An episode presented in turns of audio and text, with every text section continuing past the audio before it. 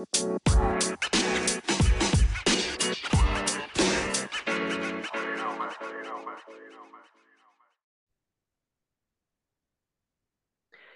og velkommen til en ny, luke i adventskalenderpodden til Norsk Bonde- og Småbrukerlag og Jordbrukspodden. I dag har vi med oss medprogramleder Grim og meg sjøl Gru, skulle jeg til å si.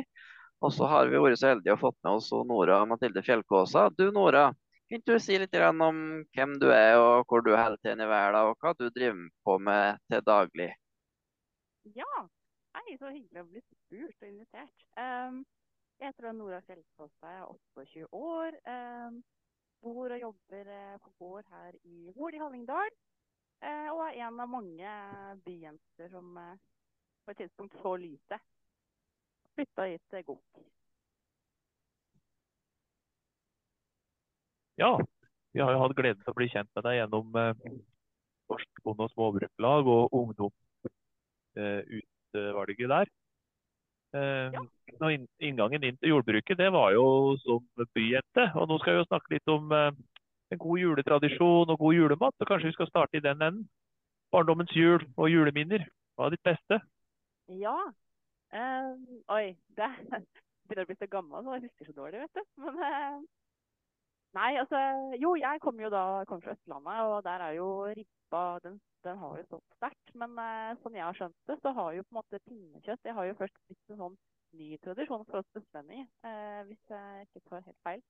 Så der er heldigvis eh, rib, nei, pinnekjøttet kommet inn for fullt, og det er jeg veldig glad for. Det, man kan gjøre alt i politikk, og mat er politikk. Så, og jeg som er, har et litt hjerte for utmarksbeite, velger jo eh, foretrekker nok pinnekjøttet nå, men uh, i barndommen så var ribba og svoren og sitte på knaskedam, det, det, var en, det var en seier. Um, men minnet, altså Jeg er jo ikke vokst opp på gård, sant. Uh, men noe sånt godt juleminne som jeg kommer på nå, det, det var vel fra da jeg gikk på jordbruksskolen uh, for fire, fire, år siden. Og da, da dro jo alle hjem i ferien. og jeg, ble, jeg og noen andre ble igjen på skolen for å jobbe i fjøset. Og det å jobbe i fjøs i jula og ha den roen rundt deg og, og være, ha litt plass for seg sjøl og ta vare på dyra, det, det, var bare helt fantastisk. Så det er liksom det jeg kommer på. Ja. Ja, det kan jeg kjenne meg alltid. Som på en måte på Høgskolen ikke er fra byen. Akkurat julekvelden er det faktisk veldig trivelig å gå i fjøset og gjøre det. Og på skinner, da. Og det er noe med det. Det er litt av høytid med det. Og så var dyra litt noe ekstra godt. Altså. Ja. ja, og det tror jeg var gammelt òg. Og det ja. en ting du skulle gjøre for å faktisk hedre både dyra og arbeidet som var nedlagt gjennom året, tenker jeg da. Men eh, du har jo engasjert deg eh, politisk òg i Småbruklaget. Vi hadde jo gleden til å gravlegge det norske jordbruket sammen på landsmøtet på Hamar. og Da var jo vi, ble vi godt kjent som aksjonister. Ja, og du har jo, du har jo... ikke men ja. Nei da, i overført betydning. Men du har et engasjement. Og, du er jo ikke oppvokst i eller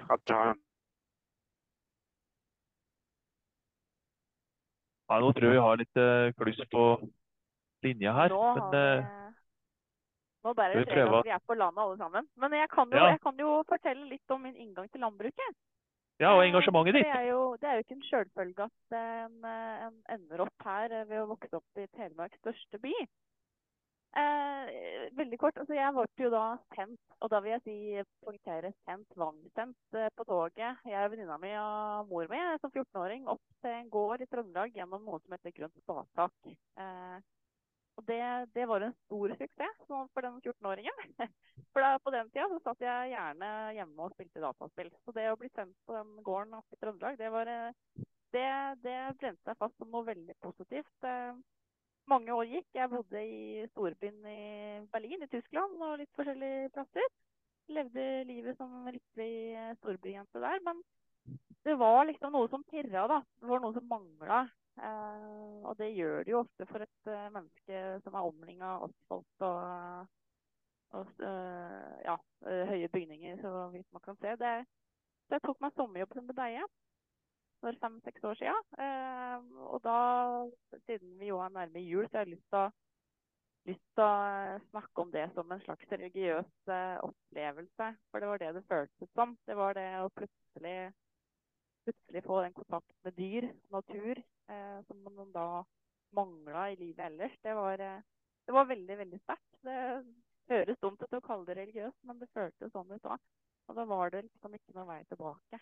Eh, jeg prøvde å flytte tilbake til byen etter det, men kom tilbake og fortsatte å jobbe som budeie noen år før jeg begynte på eh, landbruksskolen eh, for økologisk landbruk. Da gikk jeg i klasse med en av deres tidligere gjester, han Simen.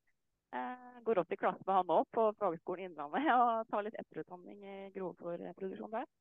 Men ja, og jobba i landbruket etter det. Og, og jeg kaller det litt for sånn eh, koriandergen. Det er jo sånn gen at enten så liker du koriander, eller så liker du ikke koriander. Og enten så er du eh, naturlig for deg å engasjere deg, eller så er det ikke naturlig. Og det har alltid vært eh, veldig naturlig for meg å bli med på det jeg syns er riktig, å oppsøke miljøet hvor jeg kan lære mer og jobbe litt politisk. Jeg, har jo vært jeg har jo bakgrunn fra ungdomspartier, og jeg har gått i eh, tog mot eh, rovdyr og vært vegetarianer og naturvernforkjemper og er fortsatt selvsagt det. Men har heldigvis fått utvida horisonten og lært å tenke sjæl. Fantastisk. Altså, jeg må jo bare tilslutte meg. Hvis vi lager religion ut av jordbruket, så er det jo budeia som over press. Ikke lette overlette til patrikatet. Det har jo gått feil opp gjennom tida. Ikke sant. Eh, men uh, i dag, da. Eh, fortell litt om uh, jobben du har nå. Ja. Um, jeg jobber da på, uh, jeg jobber på et mjølkebruk her i Hol. og på bruket så er det også et gårdsysteri. Det er jo noe som har uh, dukka opp alle plasser i landet, virker det som nå. Jeg er veldig heldig og flott å lære litt om hvordan det fungerer. Og, og se hvor mye jobb det er, selvsagt. Så um, og hvor givende det også er å se um, hele verdikjeden av fra grovfôr til uh, mjølk og kalving, også til mjølkeku. Og så videre fra tanken til ysteriet og et spiselig produkt i verdensklasse. Det er veldig, veldig spennende. Um, og det er jo noe på en måte norske bønder er blitt frarøvet uh, mer eller mindre ufrivillig siden 50-60-tallet. Det å få lov til å foredle egen mjølk. Og det er jo heldigvis kommet tilbake. da. Og det, og det, er jo veldig, som jeg nevnte, utmark og den delen av landbruket er jo noe som virkelig står mitt hjerte nært. Så det å kunne um, tufte produkter på det, da. Vi driver jo også med stølstift her, selvfølgelig. Det er heldigvis i Hallingdal enn så lenge. Det, begynner, det går jo kraftig ned. Så driver så å si alle som driver mjølk, driver også med stølsdrift. Men um, det endrer seg jo det òg nå. Ja, stølsdrift og seterdrift er jo noe som ligger mitt hjerte og praktiske liv nær òg. Men eh, kontakten med da som skal ete maten, har dere et eh, og, og, eh, slike ting? Så du kommer i kontakt med ja, folk fra tidligere liv, da, for å si det sånn? Ja. På Stølen så, så er det åpen støl med utsalg der. og det og det er veldig, veldig veldig moro. Og det er jo mye, altså Hol er jo en av Norges største hyttekommuner med Geilo i nærheten i kommunen. Og det er jo selvsagt mye hyttefolk og byfolk både fra Bergen og Oslo som kommer kjørende forbi fylkesveien. Og det er veldig artig å prate med deg. Og eh, hender man må gå bak disken og flire litt. For det, man får jo litt morsomme spørsmål som man tenker at men, voksne mennesker må da forstå det. Men men kunnskapen blant befolkningen, gammel som ung, den er jo så lav. Og jeg har jo vært der sjøl. Eh, så man blir eh, veldig glad av å kunne formidle. Og så blir man litt sånn eh, demotivert av å kjenne på nivået av kunnskap der ute. Så vi har en jobb å gjøre. Det tenkte som så at det, det finnes ikke dumme spørsmål, det finnes egentlig bare dumme svar. Og befolkninga er, er den, en gang den vi har. Og dette her med å formidle dette her med å formidle det på en så god måte at de forstår det. Altså, en ting er jo da den der osten og det produktet, men at vi òg klarer å formidle selvforsyning og samfunnsoppdrag i det. Og Det er jo egentlig ganske enkelt. Vi må ete det vi evner å produsere sjøl, og så må vi ta den historien om, om gras og drøvtyggeren når det gjelder ost. Det er det som du... er, eh, det er problematisk på et vis at eh, bonden Ikke problematisk, men det er vanskelig. Eh, bonden sjøl skal trenge å ta den jobben med å formidle og forklare, for det er en kunst, og det er veldig vanskelig. Og bonden har ikke tid til både markedsføring og formidling. Men øh, og, så, og, så, merker jeg at det er veldig vanskelig å få på en måte å relatere seg til folk utenfor næringa. For det er på en måte øh, den jobben som gjøres, den er så altoppslukende, og den er så intens, og den er så tung, da. Så det å få noen til å forstå som aldri har jobba i fjøset eller jobba på gården, på måte, det er veldig vanskelig. Og jeg, jeg, tenker det at vi er nødt til å ha en form for siviltjeneste. Ja, altså at hvor eh, ungdom skal enten innom, innom helsesektor eller landbrukssektoren det, for å få en eh, ja, forståelse og ja. ja. Det er gode tanker. Og du sa jo at en del av oppvåkninga di var jo grønt spatak. Kan du si litt om det?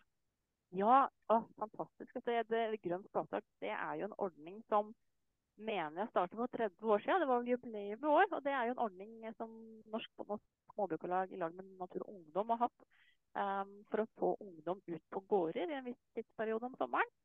Og det, der finnes det mange både dårlige og gode historier, men uh, mange suksesser. Altså, jeg har lyst til å stå opp som en sånn suksesshistorie der. om hvor, uh, hvor, bra det kan gå, da. Um, ja. Det er veldig viktig å knytte ungdom, og spesielt ungdom som kanskje er interessert i miljøet, da, men som ikke ser sammenhengen mellom natur og miljø og det med matproduksjon. For det, det tenker i hvert fall byfolk er veldig to forskjellige ting. Men det er det jo ikke. Nei, Det kan jeg skrive under på. Jeg hadde mine første to grønt spadetak-ungdommer i sommer på Setra. Det var en veldig positiv opplevelse og ikke minst interessant øvelse i det med å kommunisere det vi driver med. Men en perfekt arena, for du står midt i det praktiske når du gjør det. Så jeg vil anbefale alle lytterne våre å bli grønt spatak-ungdom eller grønt spatak-vertskap. Det er bare å kontakte småbruklaget. Mm. Men uh, hvis du ser framover da, i, i glasskula og mm. det landskapet vi er i, både politisk og praktisk, hva tenker du veien framover? Har du klare ønsker, klare meldinger, klare bestillinger til mm. samfunn og politikere? Hva vi skal, hva vi skal jobbe med og ha fokus på nå framover? Ja, du, jeg er jo uh heldig å bli, og er omringa av veldig flinke og dyktige engasjerte folk i Småbrukarlaget. Det må jeg bare innrømme at det har hatt en mye større betydning for meg personlig enn jeg skulle trodd da jeg meldte meg inn. At, at, man får så mye håp og optimisme av å være blant de folka. Så jeg har jo absolutt tro på at ting skal gå i bedre retning. Og så har jeg slutta litt å tro på at det er politikerne som skal få det. For politikerne er på en måte De følger folket. Så, så hvis folket ser i annen vei og det, jeg, jeg, har lyst til å ta frem en sånn ting som jeg ikke tror så mange eh, miljøet vårt eh, har fått med seg. Det er, eh, er jeg, tror det er Norges største, om ikke en av Norges største podkaster, som ikke er landbruksrelatert i det hele tatt. Eh, men denne podkasten tar jo faktisk opp den personen som driver den podkasten. Han er fryktelig opptatt av matproduksjon og selvforsyning og rødt kjøtt og alt det der. Og det er noe som blir tatt opp der titt og ofte. Han har gjester som Anders Nordstad og Marit Kolby og andre relevante folk. Og det er, liksom, det er blitt en arena som virkelig har fått vanlige folk til å få øynene opp for deg, Og det er jeg veldig takknemlig for. Og uh, Marit Kolby, ikke minst, at vi har sånne folk der ute som ser vår sak fra litt andre vinkler og er med på å knytte det til resten av befolkningen. Det, og jeg blir så optimistisk, for jeg tror det er den enden vi er nødt til å måtte starte i. da, Eller um, å gå den veien, og ikke bli så uh, motarbeida av Høyre- og Arbeiderpartipolitikere. fordi ifølge folket, og hvis folk har lyst på rødt kjøtt og ser verdien ernæringsmessig og landskapsmessig av det, så gjør kanskje politikerne også. Uh, jeg skal jo forhåpentligvis ta steget fra gårdsmedarbeider til gårdbruker i 2024 jeg har liksom eh, Det veldig lett å ty til en sånn eh, håpefull naivitet at å, ja, men jeg må jo bare satse på at eh, politikken løser seg og samfunnet våkner og sånn. Men Men uh, en god venn av meg, en sauebonde, han minner meg ofte på at Nora, du er faktisk du er sjøl ansvarlig for livet ditt. Og den drifta du eventuelt har lyst til å drive, det, den må du ikke basere på lovnader fra politikere eller såkalte råd fra rådgivere. Det er dine egne evner og ressurser og ønsker som må, må bidra til. Så det er sånne ting jeg har i bakhodet. Ja, Det er veldig godt å høre at ungdommen reflekterer og tenker sjøl etter egne valg. og Det er kanskje noe av det vi bedre har blitt kritisert for. At vi hele tida har tappa oss gjeldende politikk og ikke tenkt på hva er mine forutsetninger, hva er mine gardsforutsetninger, og hva er det som røver seg rundt oss her. Det er klart det handler ja. litt om å ta makta over definisjonsmakta, det òg. Ja, absolutt. Har du noen uh, andre ting du har lyst til å melde oss her før vi uh, går inn for uh, lukelanding her i dag? lukelanding? Nei, hva skal vi si. Jeg har tenkt på en ting. Jeg, jeg syns det var så utrolig fint. Med den første gjesten i adventskalenderen deres, med han biskopen. For det, det tenker jeg er en litt sånn glemt relasjon vi i landbruket godt uh, kunne ha nytta oss mer av. Den um, kirken og presten han er jo litt ute av bygdebildet og betydning for bygda, det, det er jo helt klart. Men, men, jeg tror veldig mange bønder spesielt sliter med uh, frustrasjon, bitterhet, ensomhet. Uh, som følge av både økonomisk og situasjoner og eh, det arbeidet vi står i. Og jeg merker jo det sjøl bare av å være på sidelinja i landbruket. Altså at eh, man blir veldig bitter overfor resten av befolkningen som ikke forstår. Og så tenker jeg at eh, han presten i bygda her, han er kanskje ikke så dum å prate med. For det er ikke en god ting å bære med seg inn i høytida. Og eh, jeg vet ikke om det var et slags råd, men eh, nei. Det var uansett Snakk, snakk med hverandre, snakk med naboen og snakk med presten om det så er det som skal til. Mm. Det har du helt rett i, og det er jo i møte mellom mennesker vi kan få til, få til gode løsninger da, for uh, maten vår og, og veien framover. Nei, men Det var veldig trivelig å ha en førjulsprat med deg, Nora.